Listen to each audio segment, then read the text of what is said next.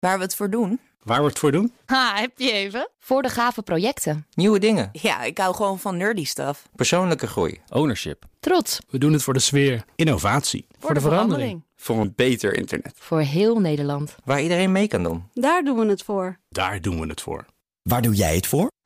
Kom werken voor KPN en groei op jouw manier. Check de actuele vacatures op het gebied van data, security, development en networking op jobs.kpn.com/tech. Wetenschap vandaag. Terwijl de Tweede Kamer, eh, de nieuwe Tweede Kamer, overigens nog druk bezig is met het debat over de gaswinning in Groningen, zitten ook wetenschappers niet stil. Zo hebben ze bijvoorbeeld onderzocht hoe je primaire aardbevingen kunt onderscheiden van naschokken. Carlijn Meinders, goedenavond. Hallo Roos. Waarom wilden ze juist hier onderzoek naar doen? Ja, het gaat hier om een samenwerking tussen verschillende partijen, waaronder de Universiteit Utrecht, TNO en de Technische Universiteit Eindhoven. En het idee was om eens goed naar de data van Groningen te kijken, van die aardbevingen, en dan met die data te gaan modelleren. Om zo te kijken of ze daar misschien interessante dingen uit konden halen. Oké, beetje breed. Uh, waren er Ja. ook specifieke vragen die ze willen beantwoorden? Ja, onderzoeker Edwin van den Heuvel van de TUE vertelt dat er genoeg vragen waren in ieder geval die nog beantwoord moesten worden. Ik denk dat je graag zou willen weten, eh, bijvoorbeeld, eh, hè, waardoor ontstaat eh, een aardbeving? Hè? Wat zijn precies de factoren eh, die leiden tot een aardbeving? En wat je ook heel graag zou willen weten, als je gaat wat voor, wat voor aardbevingen kunnen er ontstaan? Eh, type aardbeving, hoe groot is een aardbeving? Hoe vaak gaat het optreden? Zijn er naschokken? Zijn er geen naschokken? Eh, dat zijn soort vragen die voor, eh, ja, voor, zeker voor de omgeving Groningen heel belangrijk zijn. Ja, en dan, Carlijn, waar begin je vervolgens? Nou, in de literatuur zijn er al eens wat wetenschappelijke artikelen verschenen die een soort overlevingsmodel presenteren op basis van de gamma-verdeling. Dat klinkt eh, heel ingewikkeld. eh, maar het is statistiek. Dat vind ik zelf overigens nog steeds ingewikkeld.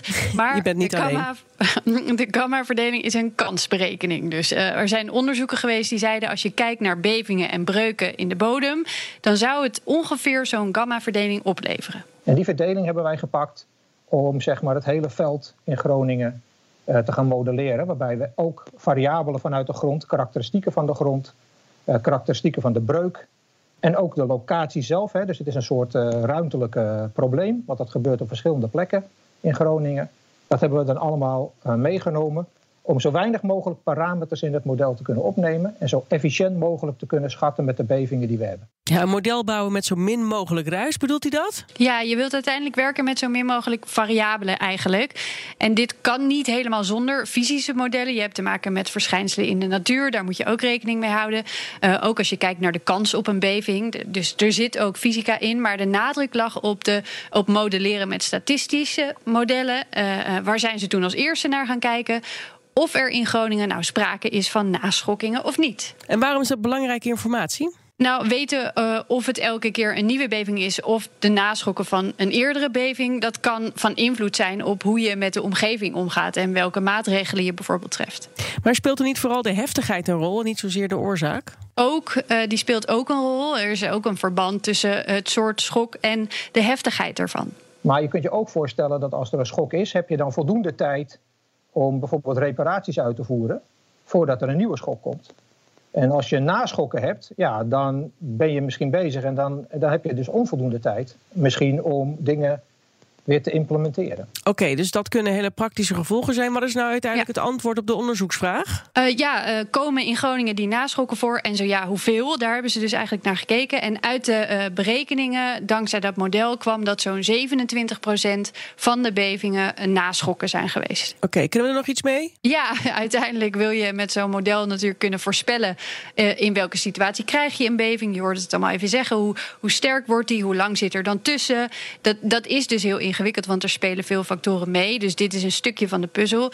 Uh, dit is dan ook niet het einde van dit onderzoek. Ze willen nog kijken wat is de maximale beving uh, oh ja. die zou kunnen voorkomen. Ze willen weten wat gebeurt er als er nou hele grote dingen veranderen. Dus minder productie, minder gaswinning bijvoorbeeld. Mm -hmm. En dat uh, invoeren in het model. Moet je ook kijken naar iets als bodemgedrag natuurlijk. Hoe compact is de bodem ergens? En die informatie heb je dan het liefst ook nog over een hele lange termijn. dus daar wordt ook door verschillende partijen nog aan gewerkt. En hopelijk kunnen ze daar snel uh, verder mee. Carlijn, dankjewel. Bij BNR ben je altijd als eerste op de hoogte van het laatste nieuws. Luister dagelijks live via internet. Bas van Werven. En heel langzaam komt de zon op rond dit tijdstip. Je krijgt inzicht in de dag die komt op BNR, het Binnenhof in Nederland en de rest van de wereld. De Ochtendspits. Voor de beste start van je werkdag. Blijf scherp en mis niets.